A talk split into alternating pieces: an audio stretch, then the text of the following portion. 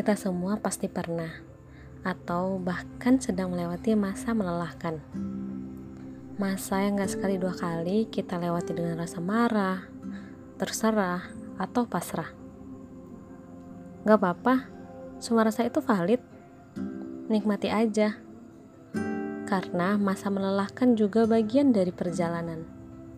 Sebelum kita jumpai senang di kemudian.